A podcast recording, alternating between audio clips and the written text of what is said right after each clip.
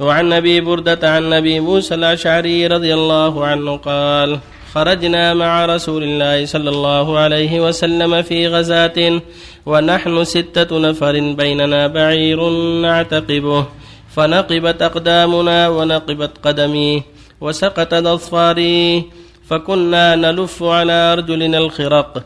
فسميت غزوة ذات الرقاع لما كنا نعصب على أرجلنا الخرق. قال أبو بردة فحدث أبو موسى بهذا الحديث ثم كره ذلك وقال ما كنت أصنع بأن أذكره. قال كأنه كره أن يكون شيئا من عمله يفشاه.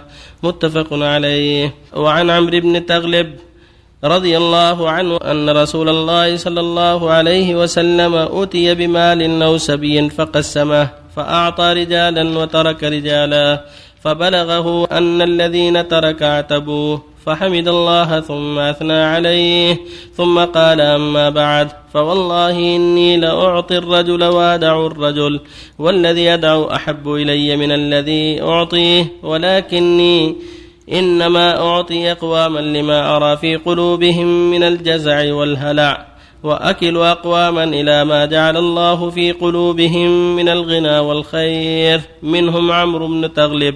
قال عمرو بن تغلب فوالله ما أحب أن لي بكلمة رسول الله صلى الله عليه وسلم حمر النعم رواه البخاري. وعن حكيم بن حزام رضي الله عنه أن النبي صلى الله عليه وسلم قال اليد العليا خير من اليد السفلى وابدأ بمن تعول وخير الصدقة عن ظهر غناه ومن يستعفف يعفه الله ومن يستغني يغنه الله. متفق عليه. وهذا لفظ البخاري ولفظ مسلم أخصر. وبالله التوفيق صلى الله الحمد لله وصلى الله وسلم على رسول الله.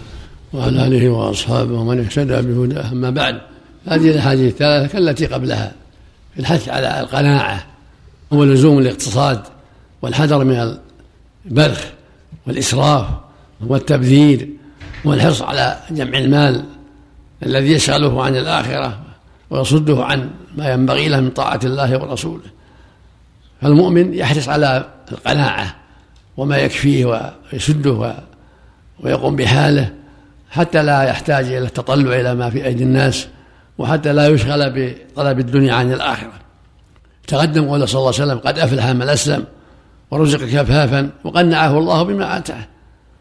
فالإنسان يطلب الرزق ويحرص على ما ينفعه لكن من غير تكلف ومن غير جشع ومن غير إسراف ولا تبذير ولكن يحرص على القناعة والكفاف والغني عما في أيدي الناس. هذا أبو موسى يقول أنهم غزوا مع النبي صلى الله عليه وسلم ذات الرقاع. وكان منهم كان الستة يعتقبون جملا واحدا. حتى نقبت أقدامهم ولفوا عليها الخرق. وصبروا على الجهاد مع أن كثيرا منهم من أجل الرحل بل يعتقبون على الجمل الواحد الخمسة والستة لقلة الظهر وشدة الحاجة. وصبروا رضي الله عنهم حتى فتح الله على أيديهم الفتوح. المؤمن هكذا يكون صبورا.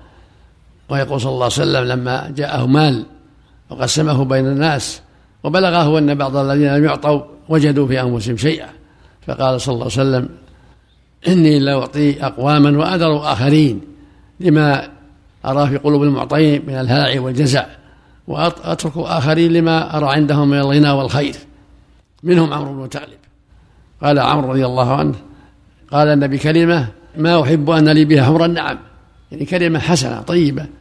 خير من حمر النعم خير لي من جميع ما في الدنيا من إبل من الأبل الحمر وله منهم عمره تغل أذروا آخرين لما جعل الله في قلوبهم من الغنى والخير منهم عمرو بن تغلب هذا يفيد أن الجزع والجشع والحرص على المال ليس من أخلاق أهل الإيمان والاستقامة ولكن أهل الإيمان والاستقامة يحرصون على الاقتصاد والغنى بما يسره الله وطلب الرزق الحلال والاكتفاء بالميسور حتى يفتح الله. كما قال صلى الله عليه وسلم احرص على ما ينفعك واستعن بالله ولا تعجزن وقال عليه الصلاة والسلام لما سئل أي الكسب اطيب قال عمل الرجل بيده وكل بيع مبرور. فالمؤمن يحرص على ما ينفعه من طريق كسب الحلال بيع شراء نجارة حدادة احتشاش احتطاب يطلب الرزق. لكن لا يحرص على جمع الأموال على وجه يصده عن الآخرة ويشغله عنها ويكون همه الاستكثار لا. ولكن يكون حريصا على ما يسد حاجته ويغنيه عما في أيدي الناس ويعينه على طاعة الله والرسول كذلك حديث حكيم يقول صلى الله عليه وسلم اليد العليا خير من اليد السفلى. اليد العليا المنفقة المعطية والسفلى الآخرة السائلة. وابدأ بمن تعود. الإنسان في الصدقات والإحسان يبدأ بمن يعود من والديه وأولاده وزوجته ومن يلوذ به. يبدأ بهم على البعيدين. وخير الصدقة ما كان عن ظاهر غنى خير الصدقة ما كان عن فضل. أما القليل يجعله فيه من تعول. فإن فضل شيء فصدق على البعيدين. ومن يستعفف يعفه الله من يستعفف يعفه الله ومن يستغني يغنيه الله. من يستعفف عما في أيدي الناس يرزقه الله العفاف. ومن يستغني عما في أيدي الناس يغنيه الله.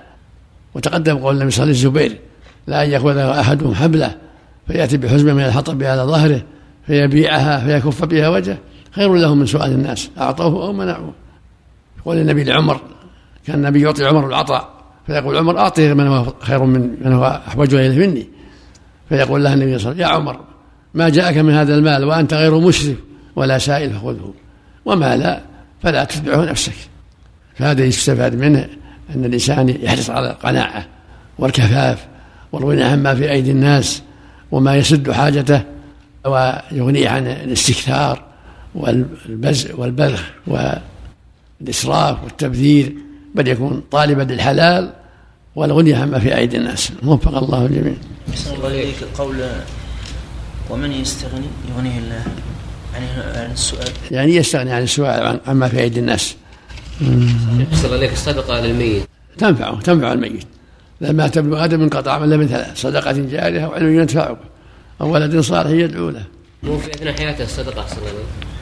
إذا وقف وقف في وجوه البر ينفعه أو صدق عنه أولاده أو غيرهم نفعه ذلك. بعد وفاته. نعم. بارك الله فيكم بالنسبة لرؤية الله عز وجل في المنام هل ثبت الانبياء عليه الصلاة والسلام؟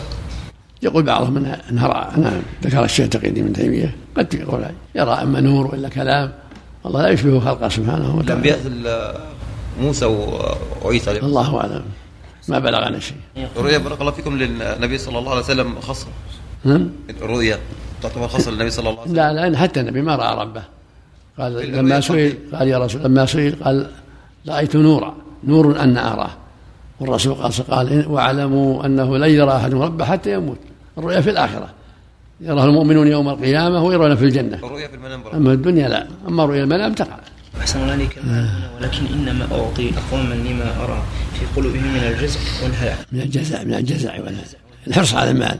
من الجزع الحرص على المال وشدة الحرص ويدع آخرين لما في قلوبهم من الغنى والسعة. بعض الناس ما عنده مال ولكنه غني القلب كما تقدم. ليس الغنى عن كثرة العرض ولكن الغنى غنى النفس. بعض الناس فقير ولكن قلبه غني. ما عنده جزع ولا حرص ولا جشع. غني القلب.